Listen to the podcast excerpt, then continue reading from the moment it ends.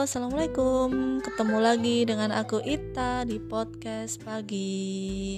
Gimana kabar teman-teman? Semua pastinya tetap sehat selalu dan bahagia. Setelah sebulan puasa, kemudian disambung dengan silaturahim bersama keluarga, tentunya senang banget ya. Oke. Aku juga mau ngucapin nih uh, minal aizin wal faizin, mohon maaf lahir dan batin atas segala kesalahan yang aku sengaja ataupun enggak. Oke, kali ini aku mau bawain tentang beberapa tips agar kita bisa menjadi anak yang solih dan solihah kepada orang tua.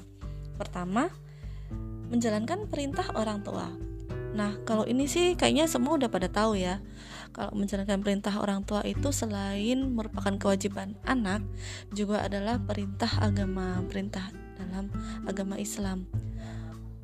Tentu saja mematuhi perintah yang baik yang mengajak kepada kebaikan.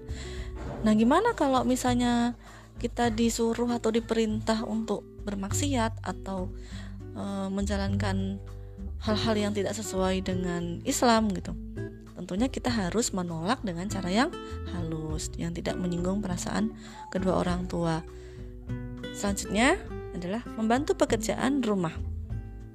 Nah, ini nih buat kamu-kamu yang biasanya di rumah tuh suka gabut-gabutan suka males-malesan gak ngapa-ngapain mulai sekarang harus mulai bantu orang tua bersih-bersih rumah atau mencuci baju, masak itu juga salah satu cara loh untuk membantu meringankan beban orang tua.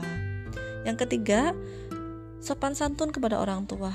Nah, sebagai anak nih kita kan juga punya tata krama ya. Meskipun tinggal satu rumah harus tetap berkata sopan lemah lembut tidak boleh membentak tidak boleh menyakiti perasaan orang tua dan sebagainya. Nah yang terakhir mendoakan orang tua. Yang ini nih wajib banget nih untuk kamu-kamu yang masih punya orang tua harus senantiasa mendoakan untuk kebaikan mereka gitu ya. Kalau dalam doa kita bisa mendoakan meminta sama Allah agar kedua orang tua kita tetap sehat.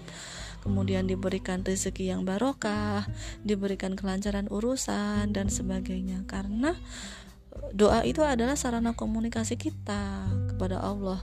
Kita memohon sesuatu itu juga melewati doa.